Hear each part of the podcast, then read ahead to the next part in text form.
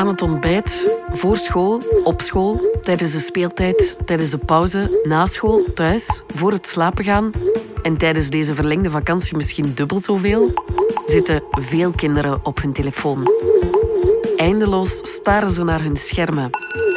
Maar wat doen ze erop? En hoe ga je daar als ouder dan mee om? We vroegen het aan kinderen zelf. We gingen langs in klas A van juf Fleur. Allee, je moet even iets drinken of zo. En vroegen mediapedagoog Davy Nijs om tips. De klas van juf Fleur uit het zesde leerjaar in Mortsel vertelt het ons zelf. Het is maandag 3 januari. Ik ben Lise Bonduel en dit is Vandaag, de dagelijkse podcast van de Standaard.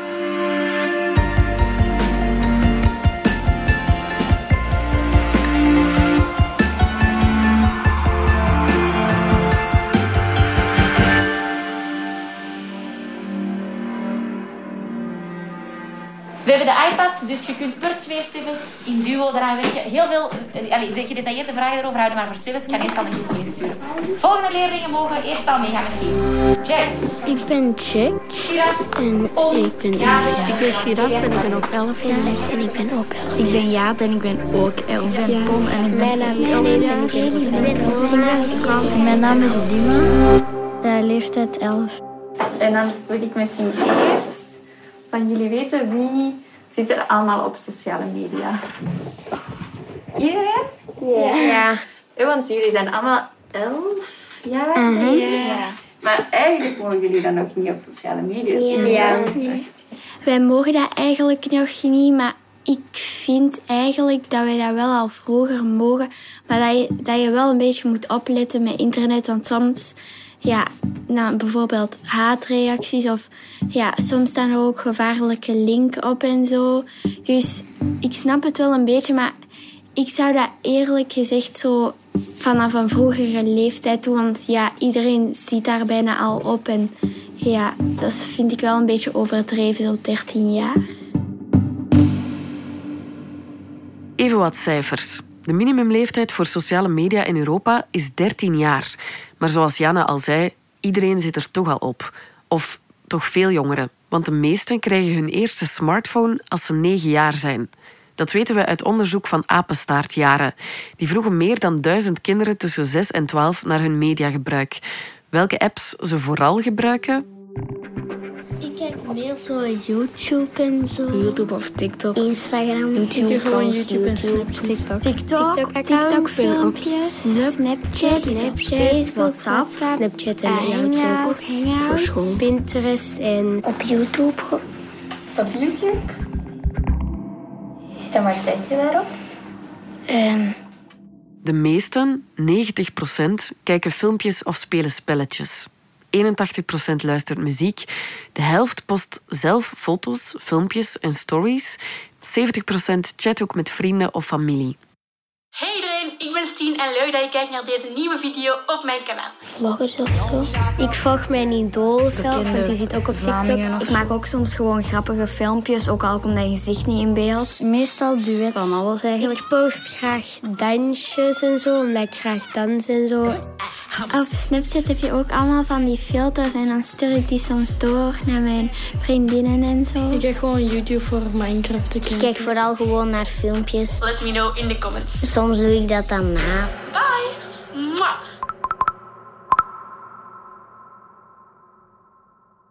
Ik heb dat zelf nog niet echt gehad, zo'n haatreactie.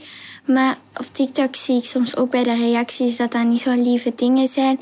En soms in de klasgroep maken ze online ook ruzie.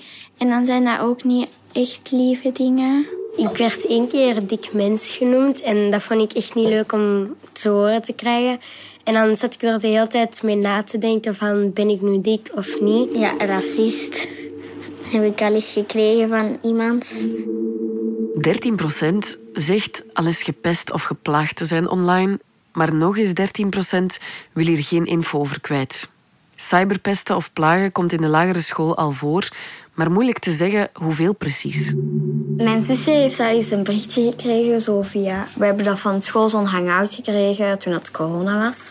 En zij heeft dus een berichtje gekregen van een jongen, maar die, die kende zij helemaal niet. En die zei zo tegen haar zo dikzak, want ze had, je kon op een profielfoto gewoon tot en met hier zien, zo tot en met haar buik. Als iemand zegt neger of zo, dan word ik zelf daar nog zelf onzeker van. Dat kleurt wel heel veel.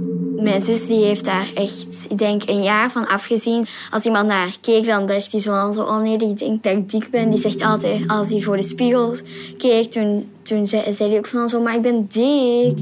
Ik vond in corona dat er wel soms wel meer ruzies waren, omdat andere kinderen ook wel meer op social media zaten. We kunnen onze kinderen niet onder een stol opsteken. Dus ik, geloof heel sterk dat wij hen beter dan van in het begin weerbaar maken tegen dat soort dingen. Ik ben Davy ik ben uh, pedagoog, heel veel bezig met uh, media. En ik heb een, uh, een, eigen zaak met twee andere papa's, Digisaurus genaamd. En daar zetten we heel hard in op het sterker maken van ouders en andere opvoeders in het opvoeden van hun kinderen. oh, maar dat is een moeilijke zin.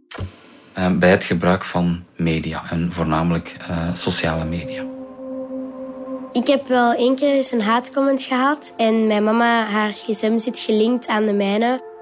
Ik had dus een comment geplaatst onder een idool van mij. En die knutselde iets en ik had per ongeluk spelfouten gemaakt. En er was iemand die mij wou ambeteren en dus dat de hele tijd zo zei van... Ja, ik ga even je zin goed maken en dit en dat. Er waren ook zo vaak van die accounts. En die stuurde Nancy, noemde die dan op TikTok. En dat leek onschuldig, maar ik was altijd bang om op die account te drukken. Want Karawiet heeft ook een account daarop. En die zeggen dat die Nancy, die hebben van, meestal van die links in hun biografie. En dat er dan dat die jou kunnen hacken of dat die van die, van die rare foto's op staan en zo. Ik zei op die video gewoon van ja, ik hou van u en dit en dat. En dan was ik weggegaan en dan had hij weer honderd berichten gestuurd. En dan kende hij ineens mijn naam en zo. En dan zei hij zo van, Fate, kom terug, dit, dat. Mijn vriendin zit vaak op Instagram om gewoon te scrollen. En er was een anoniem bericht naar haar gestuurd. En dat was een foto dat niet echt gepast was, zeg maar. En dan schreef hij daar zo vieze dingen onder. En dan dacht ik echt zo van, laat dat gerust. Dat is een kind. Ik vind dat niet echt leuk dat ze sturen, ongepaste beelden.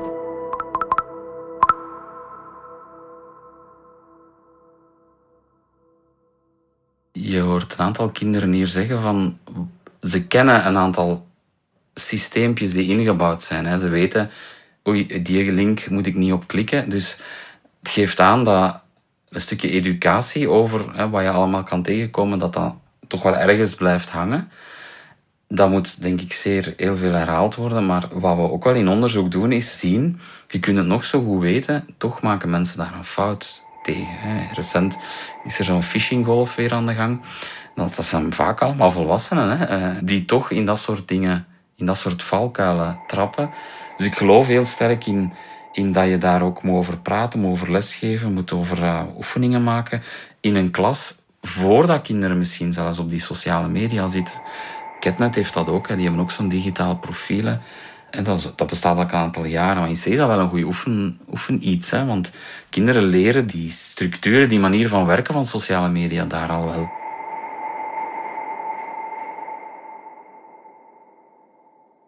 En, en als je zoiets meemaakt, jullie hebben allemaal al zoiets gelijkaardig meegemaakt of gezien, hoe voelen jullie jullie daar bij?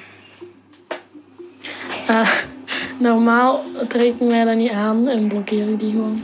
Ja, als dat nu zoiets heel stom is, dan trek ik mij dat gewoon niet aan. En dan zeg ik dat wel tegen iemand. Maar als dat nu zo echt iets erg is of zo, dan zeg ik dat wel tegen iemand allee, die daarbij hoort van de familie of zo die ik ken. Als iemand zo schrijft, zo stommerik, oké, daar, daar trek ik mij niks van aan. Maar als die zeg, zeggen dat ik een racist ben of zo, dan ga ik dat toch wel tegen iemand zeggen. Als iemand bijvoorbeeld tegen mij uh, nee genoemd, ja, dan word ik natuurlijk boos. Ja, dan rapporteer ik die of dan... Dat is een verdiende loon, omdat ze moeten niet zo gaan pesten. Als er iets gebeurt bijvoorbeeld, dan bespreek ik dat wel met de juf. Maar als ik dat dan niet durf of zo bij de juf, ehm, dan zeg ik dat thuis wel tegen mijn ouders. Ik praat zelf heel veel met mijn mama over allemaal dingen. En ik zeg dat dan ook tegen mijn mama. Maar sommige dingen vind ik zo erg dat ik dat zo bijvoorbeeld een week of zo voor mezelf hou. En als je daarna denkt van zo, nee, ik kan dat echt niet meer verzwijgen. En dan, en dan begin je dat zo te vertellen. En dan zegt je mama zo van zo, waarom had je dat niet eerder verteld of zo? En dan zegt ze dan zo, ja, ik, had, ik zat met een hele grote knoop in mijn maag. En ik voelde mij daar helemaal niet goed bij of zo. Als ik me slecht voel over een haatreactie of een belediging dat ik heb gekregen, praat ik meestal met mijn mama ook. Zij is eigenlijk een soort van bestie-achtig iets voor mij waar ik alles tegen kan zeggen. Maar zoals Fran ook zegt, dat je soms het gewoon niet durft te zeggen tegen je mama, omdat dat nogal kwetsend is. Dat heb ik ook al vaak gehad en dat heb ik ook een week kunnen volhouden. Maar daarna, toen we erover begonnen, begon ik te wenen. En ja, toen heb ik het mijn mama kunnen vertellen. Maar zij laat mij op mijn gemak voelen daarbij en ik kan ook alles zeggen tegen haar. Mijn vriendinnen vangen mij ook heel hard op, dus dat komt wel goed dan. Ik ben daarmee naar mijn papa gegaan. weerbaar maken, voor mij is dat stuk ook een onderdeel van weerbaar maken. Van als je iets voor hebt, je zou eigenlijk in je rugzak iemand moeten hebben zitten van bij wie kan ik daarmee terecht? Ik noem dat altijd, wie is eigenlijk uw digitale buddy of wie is uw digitale vriend? En dat kan uw papa, mama zijn. Meestal is dat ook bij, bij kinderen, papa of mama. En dat dat eigenlijk als ouder het belangrijkste is om te doen. Hè? Zo van dat, daar met, met, met je kind over kunnen babbelen en, en dat een beetje geruststellen. Anders dan, hè, want dat horen we soms ook wel hè, van mama's of papa's die in gigantische paniek schieten. Wat heb je allemaal gedaan op die TikTok? En je hebt toch zeker geen naaktfoto's van jezelf? En die bij wijze van spreken onmiddellijk naar de politie zouden rennen met dat soort dingen. Mama, nee. Daar help je je kind niet mee vooruit. Het was, ah ja, we zijn hier aan het chatten met een Chinees met een blote buik. Ik zeg, laat dat hier een keer zien. Wat is dat hier allemaal? Dit is onze heerlijke collega Marian. Ja, zijn we bezig? Word ik opgenomen? Alrighty. Mama van drie kinderen. Een tweeling van zeven en een dochter van tien. Ja, ik worstel daar zelf ook enorm mee. Met um, social media of sociale media, met schermen toekoer. Dan gaat het ook over gamen en zo. Ik ben daar zelf absoluut niet super actief op. Ik ben nooit uh, op Facebook gegaan en daar blijf ik bij. Dat vinden mijn kinderen voor boomers. Dat boeit ons niks, moeder. Of boeien, zeggen ze dan.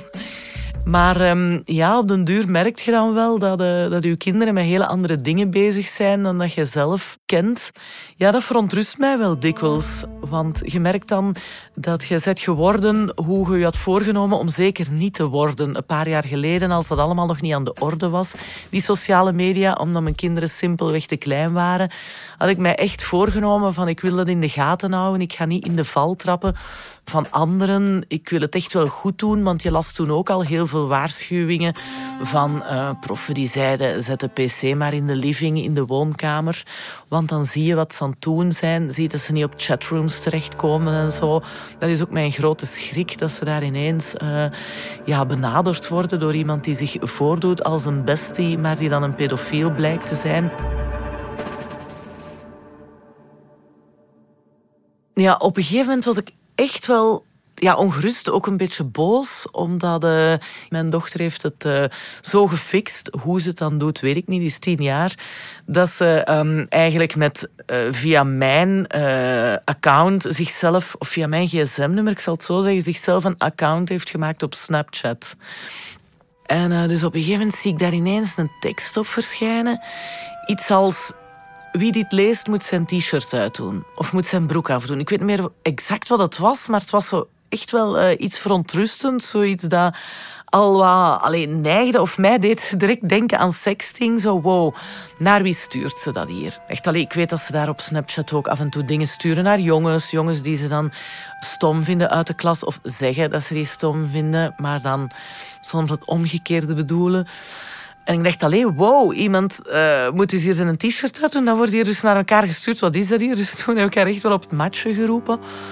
En zij zei toen um, dat dat ging om een soort challenge. Dat uh, ja, wie dat lotje trok of wie, wie dat eerst durfde op zijn profiel plaatsen. Of ik weet het niet meer. Of wie dat, dat had gedaan, moest dat dan uh, een minuut op zijn pagina plaatsen. Zoiets. Maar dat was dan in een privéconversatie en niemand anders kon dat zien. En dus dan moest ik vaststellen van ik ken er dus zelf te weinig van om dit te kunnen controleren. Denk dat heel veel ouders misschien soms wel zoiets hebben van ik kan dat niet meer volgen. Moet ik dat nog allemaal volgen? Het gaat allemaal zo snel. Mijn zoon of dochter die zal dat zelf wel kunnen zeker. Want kijk eens hoe, hoe snel hij kan tokkelen op zijn telefoon of bepaalde dingen online kan opzoeken. Maar misschien wel een zeer belangrijke boodschap voor ouderen. En dat is toch ene die ik hen ook altijd meegeef. Is van dat kinderen zelf, als je het hen zelf zou vragen, dat zij in eerste instantie graag of bepaalde informatie van hun papa of van hun mama verwachten. Ja, sta ik daar soms ook maar wat machteloos tegenover. Van ja, hoe ver moet je daarin gaan? In die controle. Ja, ik voel dat ik daar nu waarschijnlijk niet ver genoeg in ga. Maar tegelijkertijd wil ik ook zo geen big brother worden van, uh, die, die, die alles moet weten. Het interesseert mij ook eigenlijk zo. Hun, spelletjes en zo interesseren mij eigenlijk ook niet echt genoeg om daar voortdurend naast te gaan zitten om dan te zien uh, wie ze nu weer in de pan hakken bij een of andere, weet ik wat voor game.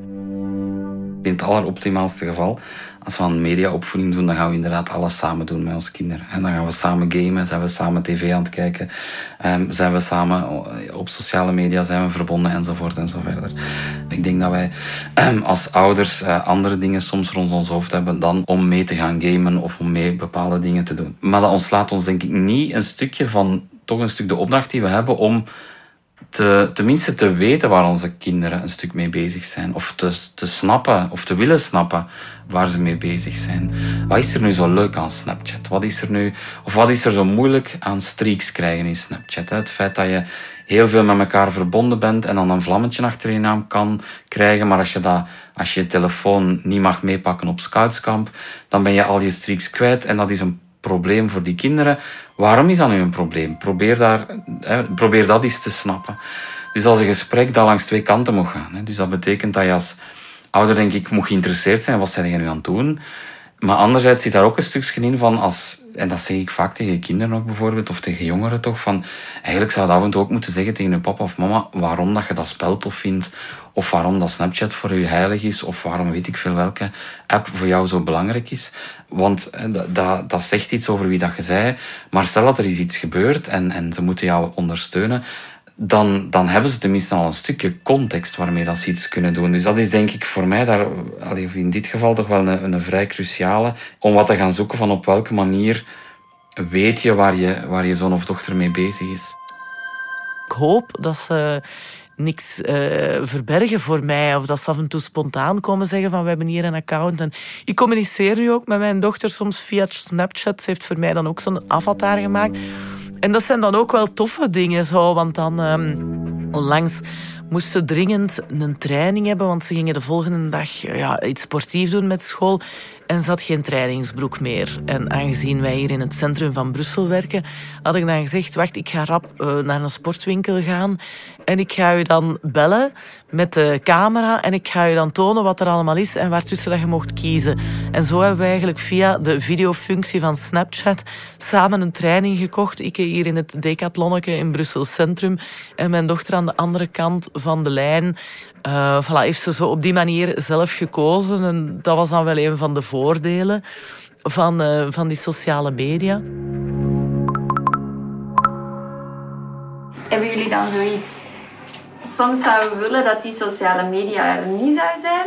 Of hebben jullie zoiets? We zijn wel nog altijd blij dat dat er is.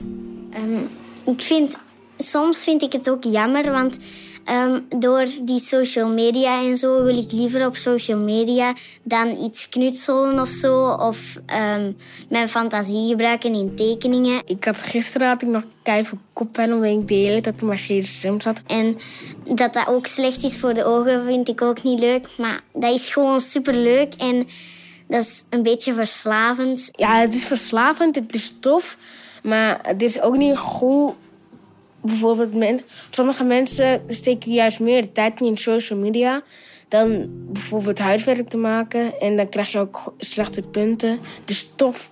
En social media kan tenminste kan zo'n tijd zetten, bij, net als bij Instagram, dat ze hebben. Um, stop niet meer e- eventjes, je zit er heel lang op. dat kan ook goed zijn dat TikTok of YouTube dat kan krijgen. Dat zou goed zijn. Dat is misschien een idee voor TikTok of zo. Dat je bijvoorbeeld uh, dat je vanaf 12 jaar of zo, of 11 jaar, al daar op TikTok mag zitten. Maar dat je dan bijvoorbeeld um, niet op een, op een reactie van iemand nog een andere reactie kan geven of zo. Ik wil haatreacties voorkomen. Dus bijvoorbeeld dat als je iets niet lief typt naar anderen, dat er bijvoorbeeld staat niet lief bericht, dus dat komt niet aan. Of dat, wij, um, dat je als je je leeftijd, als ik bijvoorbeeld nu invul dat ik 11 jaar ben, en TikTok laat me dan toe, maar ja, dat is nu niet zo. Dat er dan ook allemaal filmpjes voor ons beschikbaar zijn. Dat er geen uh, filmpjes die we eigenlijk helemaal... Dat dat dan op je leeftijd wordt aangepast. Dit was vandaag de dagelijkse podcast van de Standaard. Bedankt voor het luisteren. Ken je trouwens DS Podcast al, de podcast-app van de Standaard? Daar luister je niet alleen naar onze journalistieke reeksen, je krijgt ook elke week een eigenhandige selectie van de beste nieuwe podcasts op de markt. Alle credits van de podcast die je net hoorde vind je op standaard.be-podcast. Reageren kan via podcast.standaard.be. Morgen zijn we er opnieuw.